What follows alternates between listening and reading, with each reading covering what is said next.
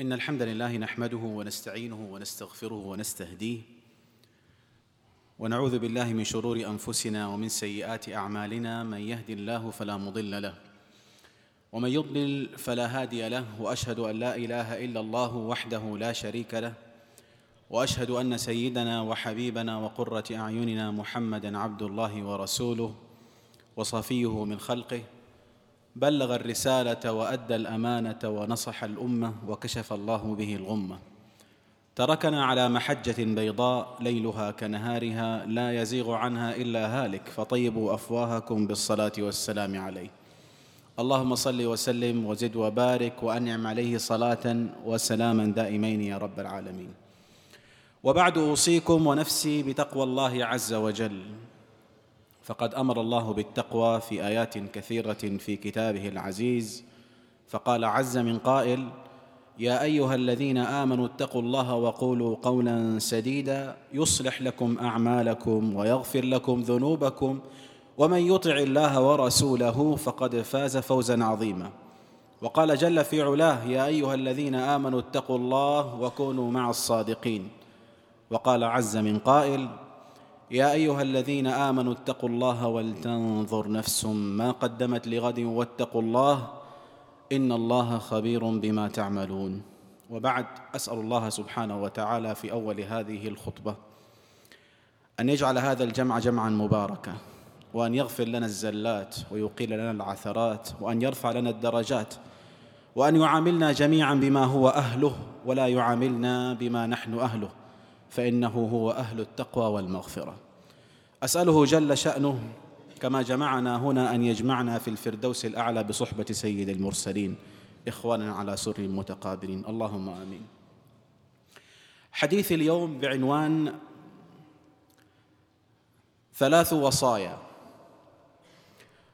وأجمل الوصايا وأنفعها للإنسان ولحياته ما كانت من الصادق المصدوق عليه الصلاة والسلام الذي لا ينطق عن الهوى إن هو إلا وحي يوحى.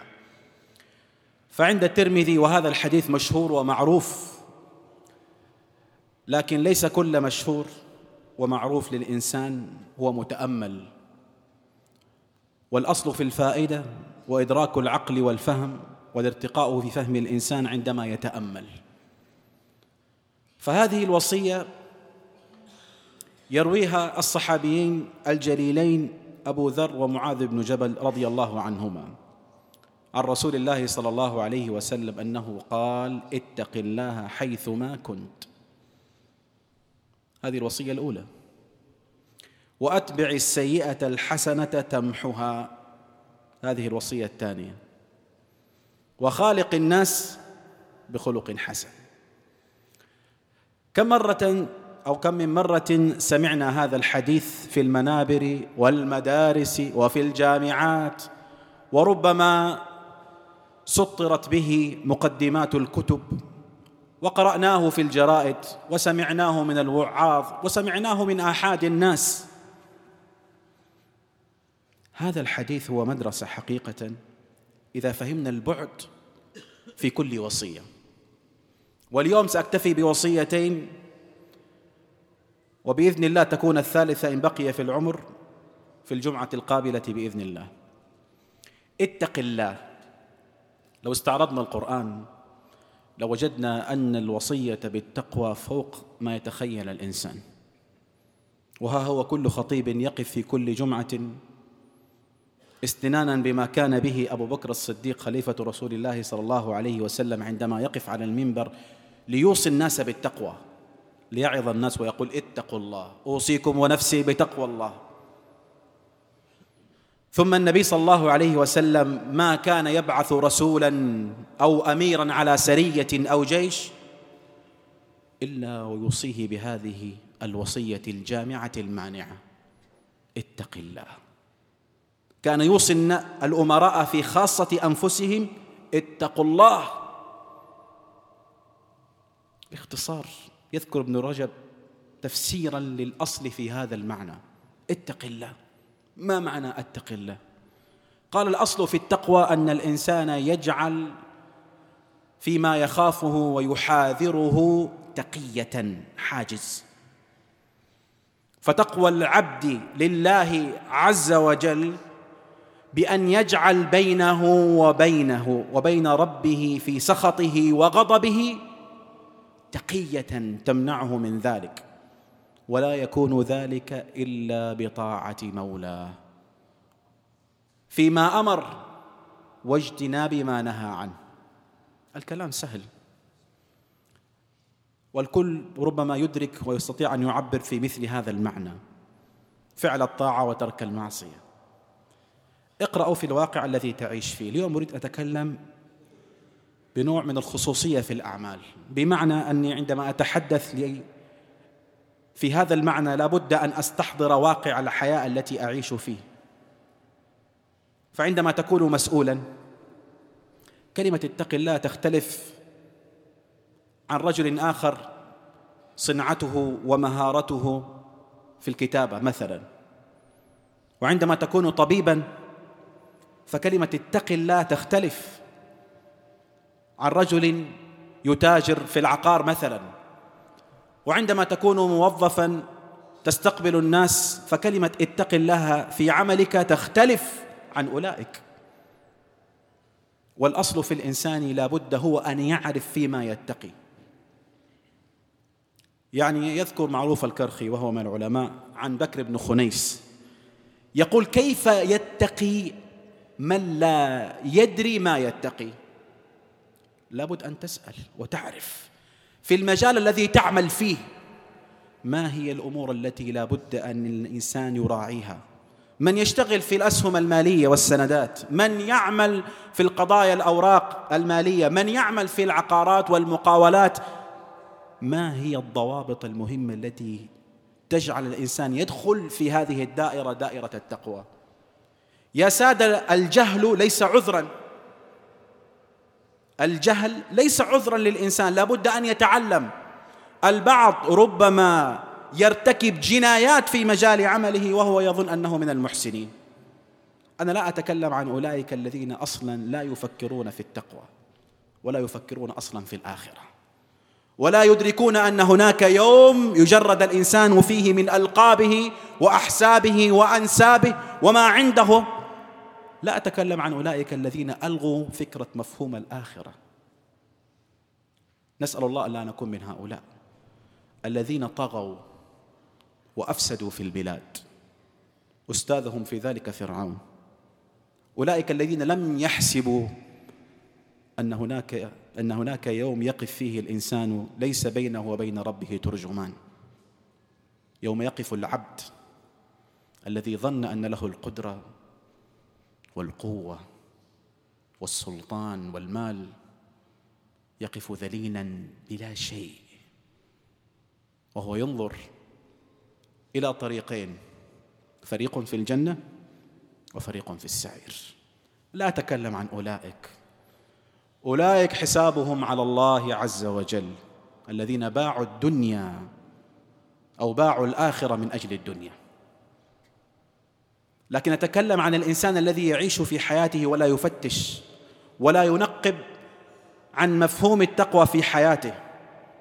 الطبيب الذي ربما يكلف الإنسان فوق طاقته من أشعة وتحاليل وهو يعلم في قرارة نفسه وتخصصه أن المريض لا يحتاج أن يدفع ولا يفعل ذلك. لكن لكي تزداد نسبة الأرباح والربح. أنا لا أعمم هناك من الأطباء مثل الملائكة. ندعو لهم ليل نهار لكن أتكلم على الثل, الثل التي ربما هم صالحين وفيهم خير وفيهم خير لكنهم لا يدركون أنهم بهذه الطريقة لا يتقون ربهم. التقوى مو شعار. ليست شكلا يلبسه الإنسان أو ثوبا يلبسه ويخلعه. التقوى أن تقدم محبة الله على ما تريد وتشتهي. تقديم محبة الخالق وما يريد على مصالحك الشخصية. إن طغت المصالح الشخصية وارتفعت في نفسك وقدمتها على ما يحب الله ويرضاه فأنت لا تتقي الله في ذلك. هذا الذي أريد أن أقوله اليوم أن الإنسان يفتش ويبحث ويحاول ويفهم أن لكل عمل له ضوابط في التقوى إن صح التعبير. فابحث عن ما يرضي الله في عملك. لا ما يرضيك. ولا يرضي من هو أعلى منك أحيانا لأن له مصلحة. إن تقديم المصالح الشخصية تقديم أقول على ما يرضي رب العالمين ينافي تماما مفهوم التقوى. فإذا سمع الإنسان كلمة اتق الله لابد أن يفهم أنها مدرسة يحتاجها في كل لحظة عند كل توقيع. إذا أردت أن تقسم على موظف استشعر هذه الكلمة اتق الله. إذا أردت أن تكلف إنسان بعمل استشعر هذه الكلمة اتق الله. إن كلفك المسؤول بعمل وأمنك على أموال عامة للمسلمين أو في القطاع الذي تعمل فيه استشعر اتق الله. يعجبني كثيرا عندما يأتي بعض الناس ليسأل وأنت تفهم من السؤال والسؤال مؤشر عن معدن الإنسان واهتمامه وقلبه بما يحب الله ويرضى أن يسأل عن دقائق الأمور في البيع والشراء أو في نسب النسب التي ربما تكون له. هل يحق لي أو لا يحق لي؟ هل يعتبر هذا حلال أم حرام؟ اسأل. اسأل. تستطيع أن تسأل وتعدل. قبل أن تغادر إن غادرت. لا يستطيع الإنسان إن غادر هذه الدنيا أن يعدل ولا شيء. اتق الله حيثما كنت. شوف المفهوم النبوي. حيثما أي في السر والعلانية. اتق الله أمام الناس. واتق الله في الخلوات. أما أمام الناس بصورة. وفي الخلوات ربما يضعف الإنسان ويرتكب بعض الأخطاء. لا أتكلم عن ذلك. أتكلم عن عن أولئك الذين يرسمون أنفسهم رسما. الذين يظهرون من الأعمال الصالحة لا ليبنوا بها هنالك وإنما ليزينوا بها قوالبهم. ليكونوا من الصالحين أمام الناس. وربما يحتالون في ذلك. وهو يعرف أنه يحتال بذلك. يقول أبو سليمان رحمة الله عليه ومن أقبح الذنب أن تبدي صلاحا للناس وتظهر القبيح للذي هو أقرب إليك من حبل الوريد. من أقبح الذنوب أن يكون الإنسان شكله بين الناس إنسان خير إنسان صالح. ثم هو أصلا صورة مزيفة. هو قناع يلبسه فقط. للمصالح. لكي يكون مقبولا. ليمرر بعض الصفقات. لترتفع أسهمه بين الناس. ليصفق الناس له. ليذكروه بخير. ثم هو في الحقيقة هو صورة أخرى مختلفة. قناع يرفعه ليكون خلف القناع قبح وذمامة. والذي يطلع على ذلك هو الخالق. الذي يعلم السر وأخفى. حيثما كنت تقتضي أن الإنسان يكون في كل أحواله محاولا مجاهدا نفسه مغالبا لنزواته وشهواته لكل شيء لا يرضى فيه الله. هذه الوصية الأولى ان استحضرناها في حياتنا وعملنا بمقتضاها دائما وأدركنا في كل موقف وفي كل عمل أن الإنسان لابد أن يضع هناك فيه شيء حاجز بين سخط الله وغضبه. لا غضب الناس. فمن رضي الله عنه أرضى عنه الناس. ومن سخط الله عليه أسخط عليه الناس. أسأل الله أن يرضى عنا جميعا. ثم الإنسان في سيره في حياته لا بد أن يضعف. كل ابن آدم خطاء. يخطئ كلنا نخطئ. أنا لا أتكلم اليوم بلسان الملائكة؟ ولا إلى معاشر الملائكة؟ كلنا نذنب ونخطئ. لكن فرق ما بين الإنسان الذي يخطئ ويستحضر معنى الواقع الذي أخطأ فيه ثم يعدل. وأتبع السيئة الحسنة تمحها الله رحيم بعباده ولطيف بهم. الله يعلم ضعف الإنسان فقد يخطئ وقد يرتكب جناية وقد يفعل ما يغضب الله ويسخطه فيفتح له المجال وأتبع السيئة الحسنة. لما؟ لما جاء النبي صلى الله عليه وسلم بهذا النص بهذه الصيغة؟ ما قال افعل قال أتبع مباشرة. لما؟ حتى لا يصير عند الإنسان نوع من الإصرار على الذنب. الإشكالية ليست في الذنوب. الإشكالية أن تصبح الذنوب والخطايا جزء من حياة الإنسان.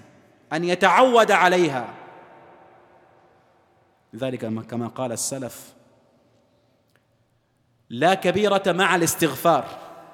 الإنسان يقطع حبل الإصرار. ولا صغيرة مع الإصرار. هذا مفهوم مهم. الإنسان يقطع ويفعل يذكر بعض العلماء من السلف أن معنى هنا أتبع السيئة الحسنة أي التوبة.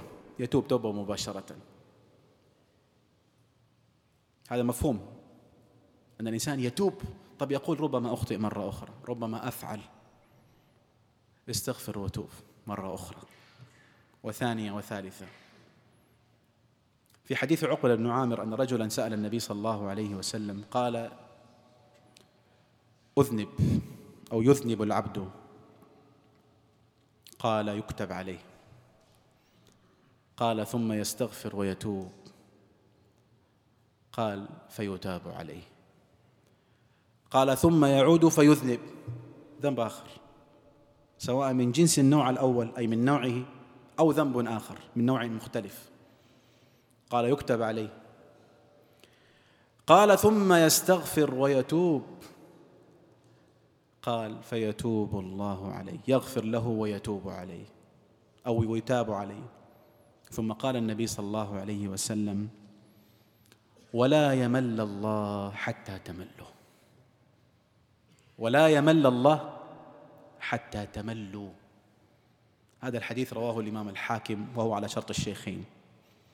أقول الإنسان يبادر مباشرة سواء بالتوبة أو بأن يفعل شيء من الحسنات. إن الحسنات يذهبن السيئات ذلك ذكرى للذاكرين. هذا كلام رب العالمين. وهذه تفتح الإنسان آفاق دائما أن الإنسان لا ييأس من رحمة الله عز وجل. وأنه دائما يستحضر قربه من مولاه وأن الله يمحو بلا حساب. ويغفر بلا حساب. ولو كانت ذنوب المرء إلى عنان السماء ثم أقبل إلى الله طائعا فقيرا متذللا يرجو رحمة ربه. معترفا بعبوديته خاضعا لمولاه لقبل منه وعافاه مما سلف. وأكرمه فأولئك يبدل الله سيئاتهم حسنات. رحمة الله واسعة ورحمة الله كبيرة. المفهوم الذي يريد أن نخرج به اليوم أن كلمة اتق الله كلمة هي هي في في أقول في فعلها والانتباه لها والسير معها. أقول سعادة الإنسان في الدنيا والآخرة. هو منهج نبوي كريم. إن أدركت معناه أفلحت في الدنيا والآخرة. وكتب الله لك الأجر ورفع درجتك. أسأل الله أن يجعلنا من المتقين ولآلائه من الذاكرين ولنعمائه من الشاكرين. صلوا على الحبيب.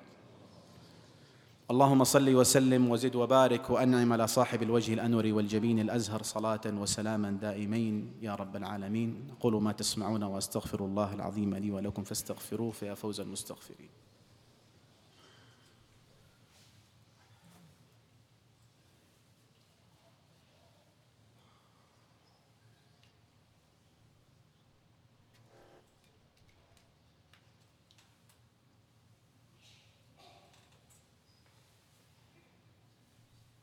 الحمد لله حق حمده ورضا نفسه وزينة عرشه ومداد كلماته. لك الحمد ربي حتى ترضى ولك الحمد إذا رضيت ولك الحمد بعد الرضا وأصلي وأسلم على الهادي البشير والسراج المنير الذي بعث في هذه الأمة ليخرجها من الظلمات إلى النور ومن الجهل إلى العلم ومن الضلال إلى الهدى فصلوات الله وسلامه عليه.